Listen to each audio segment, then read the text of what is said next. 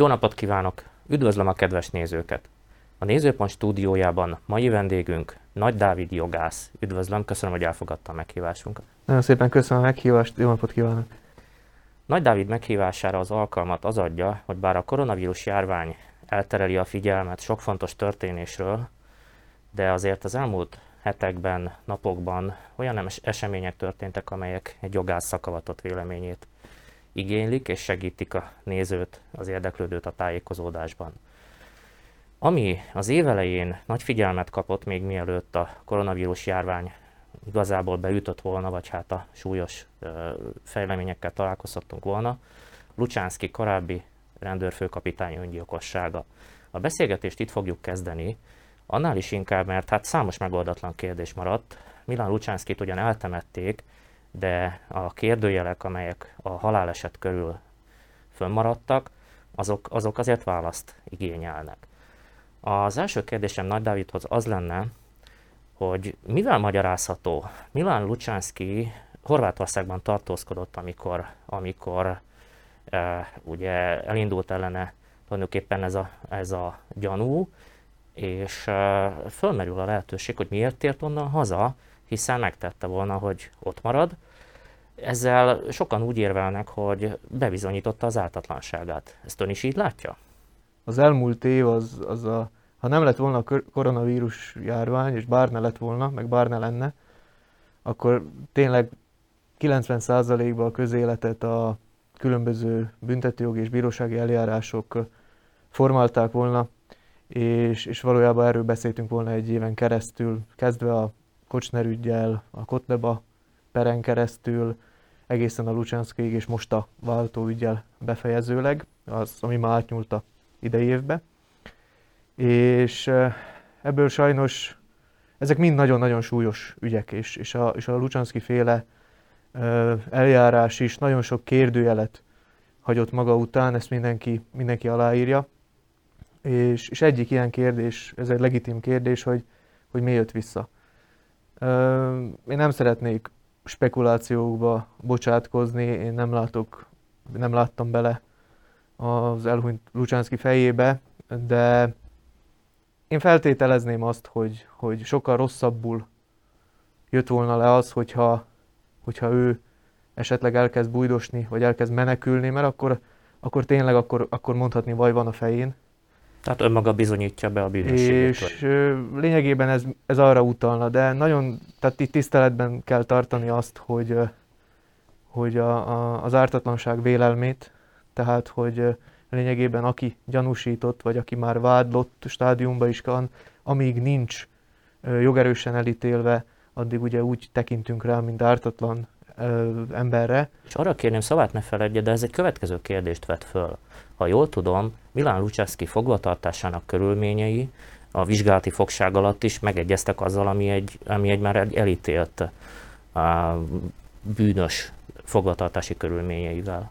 Mert véleményem szerint ahhoz, hogy jobban megértsük, hogy mi történt, én, én így nagyon röviden és tényleg nagyon emberi nyelven így fölvázolnám ezt a, a büntető eljárás ezen stádiumát, ami, ami, amiben most Milan Lucsánszki volt. Tehát ezt, ezt előkészítő eljárásnak hívjuk, és ennek négy fő szereplője van. Egyik a gyanúsított, aki Milan Lucsánszki volt, és éppen ezért fontos volt, hogy otthon legyen, mint gyanúsított. A másik a, a rendőrség, illetve a, tehát a rendőrségi szervek, a nyomozókat beleértve, akiknek az a dolguk, hogy minél jobban feltárják az ügyet. A harmadik az ügyész, akit úgy neveznek, hogy ő a, ennek a előkészítő eljárásnak az ura, tehát ő adja a rendőrség számára is különböző ö, utasításokat, ő felügyeli az egész eljárást, és hozhat döntéseket is, mint például megállíthatja ezt az egész eljárást. És minden mellett van a negyedik szereplő a bíró, aki a igazán fajsúlyos, a leállításon kívül igazán fajsúlyos döntéseket hozza. És egy ilyen döntés a előzetes letartóztatás is, amelybe Milan Lucsánszki került. Mivel indokolták a hatóságok Milan Lucsánszki előzetes letartóztatását? Az előzetes letartóztatás az egy, az egy nagyon súlyos döntés, nagyon súlyos jogi intézménynek nevezhetjük, ugyanis egy ártatlan ember van korlátozva a legintimebb szabadságaiba és alkotmányos jogaiba, tehát a mozgáskorlátozástól kezdve a megfigyelésig. És ennek nagyon, tehát ez nagyon pontosan definiálva van a törvényben. Tehát az előzetes letartó, ahhoz, hogy valakit előzetes letartóztatásba lehessen helyezni, a, ottan több feltételnek kell uh, teljesülni. Egyik az, hogy a tett valóban megtörtént, másik az, hogy bűncselekmény jeleire utal ez a tett, harmadik, hogy megvan a gyanúja, hogy a gyanúsított követte el ezt a tettet, és a, a, a negyedik meg, hogy megalapozott gyanúja van annak, hogy a gyanúsított vagy folytatná ezt a bűncselekményt, vagy befolyásolná a, a tanukat, szakértőket, stb., vagy elmenekülne. Értem Tehát ezek a alapfeltételek. És a Milan Luczanski esetében itt a, az úgynevezett kollúzió merült fel, ami, ami az a indok, hogy ő, hogy feltételezték, hogy esetleg be tudná folyásolni a, a büntető eljárás menetét azzal, hogy befolyásolhatna tanukat, vagy más személyeket, akik érintettek ebbe a büntető eljárásba. Minden esetben olyan szigorúak az előzetes letartóztatás körülményei, mint az ő esetében voltak? Igen, hozzá kell tenni, hogy a kollúziónál a legszigorúbbak. Tehát, a, Tehát itt a kapcsolattartás kizárására törekednek. Az előzetes letartóztatás nagyon szigorú minden esetben. Ebben kiemelkedik, ugye előbb felsoroltuk a okokat, ez a kollúzió, tehát hogy ő ne tudjon kommunikálni másokkal és befolyásolni másokat. Úgyhogy ez még egy fokkal szigorúbb. Tehát azok a kivételek, amelyek alapjáraton megvannak előzetes letartóztatásban, havi egyszeri látogatás, havi két alkalom telefonbeszélgetés, maximum 20 perc erejéig, maximum 5 fő, tehát ezek a kivételek, ezek itt nincsenek. Csak külön kérelemre lehet neki, annak a fogvatartottnak ezt megítélni, de alapból nincsenek meg neki. És ide hozzátartozik az is, hogy egyedül vannak a, a, a, azok a gyanúsítottak, akik így kerülnek előzetes letartásba, egyedül vannak a cellában is. Tehát ez, ez a legkomolyabb módja előzetes. És az emberben fölmerül a kérdés, hogy az időnek mekkora részét, tehát egy nap mekkora hányadát töltik a cellában a az előzetes letartóztatásban lévők. Idejük nagy részét gondolom. A törvény úgy mondja ki, hogy legalább egy órát kell biztosítani annak, hogy mozoghassanak úgymond szabadon, úgyhogy gyakorlatban ez úgy valósulhat meg, hogy 23 órát vannak a cellában, és egy órát vannak szabadon. Hozzá kell tenni, hogy a törvény azt mondja ki, hogy a cella leg, legalább 3,5 négyzetméteres kell, hogy legyen, és hogyha már így megyünk a részletekbe, akkor a törvény kimondja, hogy mik vannak a cellában milyen berendezések, lényegében van ott ágy, ágynak a felszerelése, asztal, szék, van egy külön ö, ö, szociális helység, és, ö, és, egy, és egy szekrény. Tehát így, így néz ki egy előzetes letartóztatottnak a, a cellája. Ugye a kérdés azért merül fel, mert Milán Lucsánszki öngyilkosságot követett el a cellájában. Ez hogy történhetett meg? Ha jól értesültem és, és, és követtem a, a egyes sajtótájékoztatókat és, és a sajtóközleményeket a minisztériumból, akkor a legszigorúbb felügyelet mellett volt Milan Lucsanszki olyan szempontból, hogy a megfigyelés alatt, hogy fél óránként néztek be a cellájába, hogy, Bocsánat, hogy azt tegyük hozzá, hogy kamerával nem figyelhetik meg a rabokat. Kamerával nem figyelhetik, kamerával ez, erre is kitér a, a előzetes letartóztatásról szóló törvény, és ha jól emlékszem, ez a 62-es paragrafus. Uh-huh amely kimondja, hogy mikor lehet kamerával megfigyelni. Tehát kamerával meg vannak figyelve a folyosók, ez Milan Lucsánszki esetében is így volt, meg volt figyelve a folyosó, ami a, a, a, amelyre a cellája nyílt. És, ez az a fölvétel, amit a vizsgálóbizottság Igen, igen. Ez, ez egyetlen fölvétel. Ez az egyetlen fölvétel. Azzal, hogy ha jól értesültem, akkor mozgásérzékelő kamerák ezek, tehát nem mennek állandóan, hanem vannak megszakítások, viszont garantálják, hogy így a szoftverben nem volt belenyúlva, hanem tehát ez így működik ez a kamera. Szerintem sokakat foglalkoztat a kérdés. Ön szerint és... hibáztak a, a börtön személyzete ebben a tekintetben, hogy ez megtörténhetett? Magában a cellában nem lehet, tehát a törvény kizárja azt, hogy valakit 24 órán keresztül kamerával megfigyeljenek. Ez felvetne emberjogi kérdéseket is. Azzal, hogy vannak természetesen kivételek, hogyha valaki úgymond nem volt ilyen magánzárkában, nevezzük úgy, hanem mint büntetést megkapta előzetes letartóztatásban, akkor ott lehet őt 24 órán keresztül videózni, vagy az úgynevezett védett tanuknál. Tehát, hogyha az, aki gyanúsított és előzetesben egyben védett tanú, őt lehet 24 órán keresztül ö, videózni, vagy, vagy nézni. Lucsánszki egyik kategóriában sem esett be. nem volt egyik kategóriában. Ne kerüljük azért meg a kérdést, hibázhattak a börtön személyzete, a felügyelet? Ez nem én tisztem, hogy ezt, ezt, ezt, ezt megválaszoljam, hát erre lesz most, vagy van felállítva az a testület, ami ezt meg fogja a, vizsgálni. Ami olvasható a, a hivatalos állásfoglalásban, az az, az hogy véleményük szerint minden amit a törvény előírt be volt tartva, és ők talán úgy fogalmaztak, hogy úgy, ahogy a úgymond normális hétköznapi életben se lehet minden esetben megakadályozni a öngyilkosságot, itt sem lehet megakadályozni minden esetben öngyilkosságot. Értem. Az előzetes letartott, letartóztatás körülményei ellen Kocsner is többször tiltakozott, és ugye a beszélgetőségnek az újabb aktualitását az adja, hogy éppen a héten született egy jogerős döntés a váltóügyben. Igen Térjünk egy picit akkor még vissza a Kocsner esetére. Neki milyen kifogásai voltak az előzetes letartóztatásra vonatkozóan? Neki pont az egyik kifogása az volt, hogy miért nézik őt fél óránként. Tehát tudni kell, hogy aki előzetes letartóztatásban van, annak vannak bizonyos jogorvoslati lehetőségei. Többek közt panaszokat nyújthat be a maga előzetes, leta, előzetes letartóztatás formája ellen, például az ellen, hogy nézik fél óránként, és ő arra panaszkod, hogy emiatt ő nem tud pihenni, nem tud aludni. Ez olyan, ami úgy megragad bennem. És mindig kérheti a felülvizsgálatát annak, hogy mege vannak még azok a indokok, aktuálisak-e, hogy ő előzetes letartóztatásban legyen. Ezt lényegében a bíróság az egész idő alatt mindig köteles megvizsgálni. Az előzetes letartóztatás se tarthat végtelenig, tehát attól függ, milyen bűncselekményről beszélünk, védség esetén 12 hónapig tarthat, és, és büntet esetén 36 hónapig tarthat előzetes letartóztatás. Ez bevett gyakorlat, hogy az őrizetesek panaszt tesznek, vagy ez leginkább ilyen kocsnere jellemző média esemény volt? Embere válogatja, még azt hozzátenném, hogy előzetes letartóztatás alapjáraton 7 hónap, ami mindig meghosszabb, meghosszabbítható ezekig a határidőkig, amiket előbb elmondtam.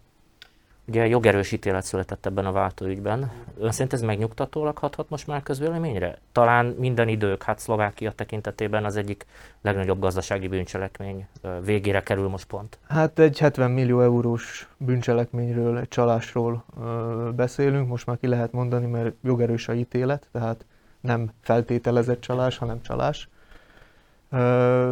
Én szerintem ez a szlovák igazságszolgáltatásnak egy, egy, egy, egy sikeres napja volt. Tehát ha tekintetbe vesszük már csak azt, hogy két év alatt sikerült ezt lezárni és pontot tenni a végére, és tisztában vagyunk arra, hogy mennyire leterheltek a bíróságok, és mennyire húzódnak a egyes perek, azért két év alatt egy 70 milliós peret lezárni, úgy, hogy a első fokon a bírói testület, ami döntést hozott, a másodfok megerősítette, tehát az egy nagyon minőségi munka volt amit, amit ők letettek a asztalra. Annál is inkább, mert nyáron azért eléggé nagy felháborodást váltott ki, hogy nem sikerült a kuciák ügyet hasonlóképpen megnyugtatóan lezárni. Sokakban akkor fölmerült az is, hogy vajon pártatlanok-e a bírók, és hát ugye Lucsánszki is korrupcióvágyával került ebbe a bizonyos előzetes letartóztatásba, ahol ez az öngyilkosság megtörtént. Ez a korrupció, mint jelenség, közép-európai specificitásnak alig ha nevezhető, de mintha a térségre sokkal inkább jellemző lenne. Hogyan lehet ezt megelőzni? Mert van egy politikai eszköz, amivel ugye a korrupció ellen harcol a kormány, de valahol mégis a társadalom rákfenéje a korrupció. Még mielőtt erre válaszolok, itt felmerült a párhuzam a két kocsneres nevezzük ügyben, hogy az egyikben fölháborodást keltett az, hogy őt fölmentették, a másikban pedig bizonyos elégtétel az, a, mármint úgy a nép szemében, Igen. Hogy, hogy, hogy el lett ítélve. Itt, itt azért meg kell említeni, hogy nagy szerepe volt a médiának, és ha párhuzamot hozunk a két ügy közé, akkor, akkor azért már a váltónál kicsit óvatosabban fogalmaztak a legolvasottabb szlovák portálok. Tehát, nem... Tehát úgy gondolja, hogy a média gyakran előbb tudott meg bizonyos dolgokat, én és, úgy, és osztott meg a közvéleménnyel? Én úgy gondolom, hogy a, hogy a kuciák gyilkosság, tehát a kettős gyilkosság annyira megindított a médiában is egy érzelmi hullámot, ami érthető. É, hogy, hogy egy kicsit a objektivitás mintha nem mindig lett volna betartva, és mintha a média egy kicsit túllépett volna a saját szerepén ebbe az ügyben, mintha egy kicsit a bírók helyett bírók voltak, és, és ügyészek helyett ügyészek voltak, és elhitették a néppel, hogy ez már megvan, és ezek az emberek biztos el lesznek ítélve. Ez most a nyári eset ez most a, hogy ez most, a nyár, ez most a nyári eset. Nem, nem, hogy miért nem sikerült, hanem hogy miért lett ebből ekkora fölháborodás. Igen. Mert hogyha a média jobban összpontosított volna arra, hogy, a, hogy elmagyarázza az átlagembernek, a, a laikusnak elmagyarázza azt, hogy, hogy hogyan is zajlik, mik lehetnek a fejlemények, mit kell bebizonyítani, és nem arra, hogy kinek hogyan remeg a keze, meg kisírja el magát a, a, a tárgyalás során, akkor lehet, hogy az a fölháborodás se lett volna akkor, hanem, hanem lehet, hogy a, egy jobban informált közeg megértette volna azt, amit, am, ami történt. Tehát egy kicsit prejudikált a média. Kicsit nagyon szerintem ebbe az esetben. Értem. Tényleg még, mégiscsak vissza a korrupció ügyéhez, ami egyik rákfenéje a szlovák társadalomnak. Lehet ezt rendszer szinten kezelni, vagy milyen megoldásokban gondolkodna ön, mint jogász? Én, én, én a korrupciónak ilyen három fő okát látom. Egyik ok, amiről én csak hallok, mert én körülbelül a rendszerváltás környékén születtem, az az, hogy ez még a régi rendszer hagyaték, ahogy intézkedünk, és hogy vannak emberek, akik mindent elintéznek, és akkor ide kell hívni, oda kell hívni, és hogy, és hogy ez egyfajta hagyaték. Uh, és valóban most a utóbbi időben engemet kicsit jobban érdekelnek a 90-es évek történései, amiben az én gyerekkorom volt, úgyhogy annyira nem figyeltem a, a közéletet, és azért én úgy gondolom, hogy javuló tendenciát mutat a, a, a társadalom, a társadalom viselkedése, mert valamelyik könyvben olvastam, hogy a 90-es években, tehát egy olyan közegből indulunk ki, ahol azt mondták, hogy aki nem lop, az a családját lopja meg. És onnan eljutottunk ide, hogy nyíltan beszélünk a korrupcióról, és nyíltan beszélünk arról, hogy ez mennyire rossz, és én úgy gondolom, hogy ez a elv már annyira nem érvényesül. Én úgy gondolom, hogy ez a elv, hogyha nem találták volna ki a 90-es években, ma már nem találják ki.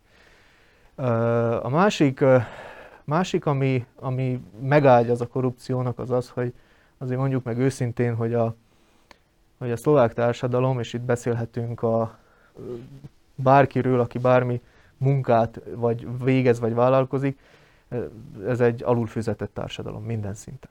Minden szinten. Tehát elég 100 kilométerre arrébb menni Ausztriába, és, tud, és megdöbbent bennünket az, hogy körülbelül egy élelmiszerüzletbe ugyanannyit fizetünk, mint otthon, de osztrák állampolgár háromszor annyit keres, mint mink. És nyilván, hogyha, hogyha az embernek nem nincs elég pénze a megélhetésre, akkor, akkor más megoldásokat próbál keresni, és vannak, akik rossz útra térnek, és ezek a megoldások már bizonyos törvényes határokon túllépnek, de minden esetre hozzájárul az, hogy, hogy a rendszer nincs úgy beállítva, hogy, a, hogy nincsenek arányba a fizetések és a árak. Tehát, ha jól értem, azt mondja, hogy ha egy országos rendőrfőkapitány bére magasabb lenne, akkor nem, kap, nem fogadja el a feltételezések szerint, amit Ez ugye Lucsánszki megtett. Én, én így mondom, hogy tehát különböző szinteken természetesen. Tehát, hogyha ha egy országos rendőrfőkapitány bére magasabb, akkor biztos jobban meggondolja azt, hogy mit csinál, de ne beszéljünk rendőrfőkapitányról, beszélhetünk egy, egy egyszerű hivatalnokról is, hogyha őnek egy olyan bére van, ami, ami ő úgy érzi, hogy ő munkája meg van becsülve, és ő úgy érzi, hogy, hogy örömmel jár munkában, mert, mert tényleg idéző megéri neki, és, és tud egy jólétet biztosítani a családja számára, akkor azért én, én úgy gondolom, hogy ezek az emberek már utána nehezebben megközelíthetők. És ez bármilyen szintről beszélhetünk. Vagy nehezebben kezdenek el gondolkodni olyan megoldásokon, hogy legális vagy illegális módon próbáljanak a saját javukra valami többet szerezni, mert amiük van, az elégséges, méltányolva vannak. És ez egy nagyon fontos érzés az ember életében, és, és sajnos a, a mi társadalmunk még nem, tehát nem a társadalom, hanem a körülmények nem jutottak el arra a szintre, hogy, hogy úgy érezhessük, hogy tényleg az a munka, amit leteszünk asztalra, az, az méltányolva lenne. Meg hát ugye az emberi természetet, ha ismerjük, adott esetben még a magasabb fizetés sem garancia arra, hogy Tehát az, az ember már... megvesztegethetetlen maradjon, és ennyiben ez persze nehezen kezelhető és oldható. Természetesen, helyzet. tehát van emberi gyarlóság, mindjárt mások vagyunk, és ezek a határok is mindenki mások vannak. És még a korrupcióhoz visszatérve, még, még szerintem egy faktort meg kell említeni, hogy a példamutatás. Tehát a vezető tisztségviselők példamutatása nagyon fontos, vagy a úgynevezett közismert emberek példamutatása nagyon fontos. Ö, És bocsásson meg, el lehet, hogy ebben nem álljuk ki a próbát mondjuk Nyugat-Európával, ebben a tekintetben, sokszor. Én szerintem Nyugat-Európában sincs kolbászból a kerítés. Igen, tehát azért ott is megvannak a saját bajok, és ez egy külön műsor Értem? ta- tartalma lehetne, de először azért rakjunk rendet itt a saját portánknál, és, és akár ha most is nézzük a, a, a oltással kapcsolatos kis botrányt, ami, ami tehát ez, ezek, ezek nem jó példák, mert ha ő megteheti, én miért nem tehetem meg. Igen, ugye most nagy vihart keltett a kivételek, ugye adott esetben az utazási szabadság Például, igen. ügye is, és valóban itt a politikai osztály az, amelyik ezeket a kivételeket élvezi. Politikai, meg a celebosztály. Meg nyilván akik a társadalmi krémhez tartoznak. De megint csak módon. azért ne rakjunk mindenkit És egy, ne egy zsarba, és ne általánosítsunk, mert ez is embere válogatja. Viszont ha már az üzenetnél és a jó példáknál járunk, az embert úgy érdekelné. Ö, Nyáron, amikor meghiúsult a beszélgetésünk a kuciák ügyet követően, fölmerült az emberben, hogy lehet, hogy jóvá tehetetlenül sérül a társadalomnak ez a bizalma a jog iránt, a jogszolgáltatás iránt, de viszont találunk jó példákat adott esetben a váltóügy lezárása. Hol áll most ez a, ez a bizalom a társadalomon belül? Mennyire bízik az igazságszolgáltatásban ön szerint a szlovák társadalom? Én ezt egy nagyon szomorú és sajnálatos jelenségnek tartom, bár megértem. Ez a váltóügy lezárása, ez mindenképp javított. Tehát ez mindenképp javított az igazságszolgáltatás megítélésén, és külön kiemelném megint ezt a gyorsaságot és a, és a, és a precíz munkát, ami ide vezetett. Bár az emberek azt mondják, hogy két év az tényleg olyan gyors?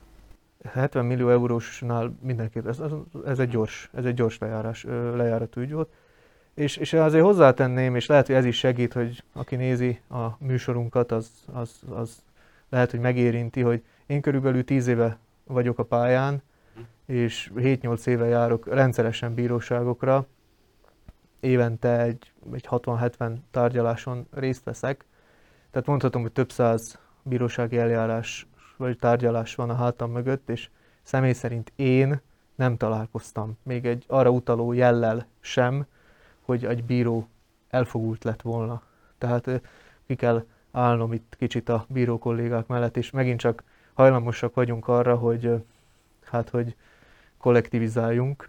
Bocsássa meg, tehát rosszabb a társadalom képe, vagy igazságtalanul rossz a társadalom képe ahhoz képest, amilyen a valóság. Nekem meggyőződésem, hogy amit a, ami a társadalom lát, az egy, az a úgymond bírói társadalomnak, hogyha a bíróknál vagyunk, egy nagyon kis százalékának a fölnagyítás. De mégis ez kapott figyelmet. Hát ez kap figyelmet. Mert, mert, mert a média számára ez, a, ez, ez hírérték. De én úgy gondolom, hogy minden szakmában megtalálunk azt a bizonyos kis százalékot, megint csak emberi gyarlóságra a, utalva, akik meginognak, vagy akik nem úgy viselkednek, ahogy kellene. Ez alól semmelyik szakma, semmelyik embercsoport nem kivétel sajnos, és viszont én a saját tapasztalatomat tudom mondani, nem azt, amit olvasok, nem azt, amit látok, hanem ami a saját tapasztalat, ami a húsvér tapasztalatom, amit, amit minden héten megélek, és én az elmúlt 8-10 évben nem találkoztam ilyenfajta viselkedéssel. Tehát azt gondolja, hogy van egy javuló tendencia a korrupció ügyében, és az igazságszolgáltatásba vetett bizalom is helyreállítható, hiszen hiszen emberek vagyunk, ugyan vannak hibák, de ezek orvosolhatók sok tekintetben. igen, van egy javuló tendencia, illetve szerintem nem annyira rossz a helyzet, mint ahhoz a, me- ahogy, ahogy a, bemutatják. hogy a médiából olvasnám, és, és csak azt venném figyelembe, amit olvasok, mert ott csak a rossz hírt kapom. Igen, azért valahol, mint média szereplője magam is megvédeném a médiát, hogy igyekszünk a jó dolgokat is bemutatni. Természetesen. Most ön is lehetőséget kap arra, Nem is, a, nem is a ma héten tükör másik oldalát is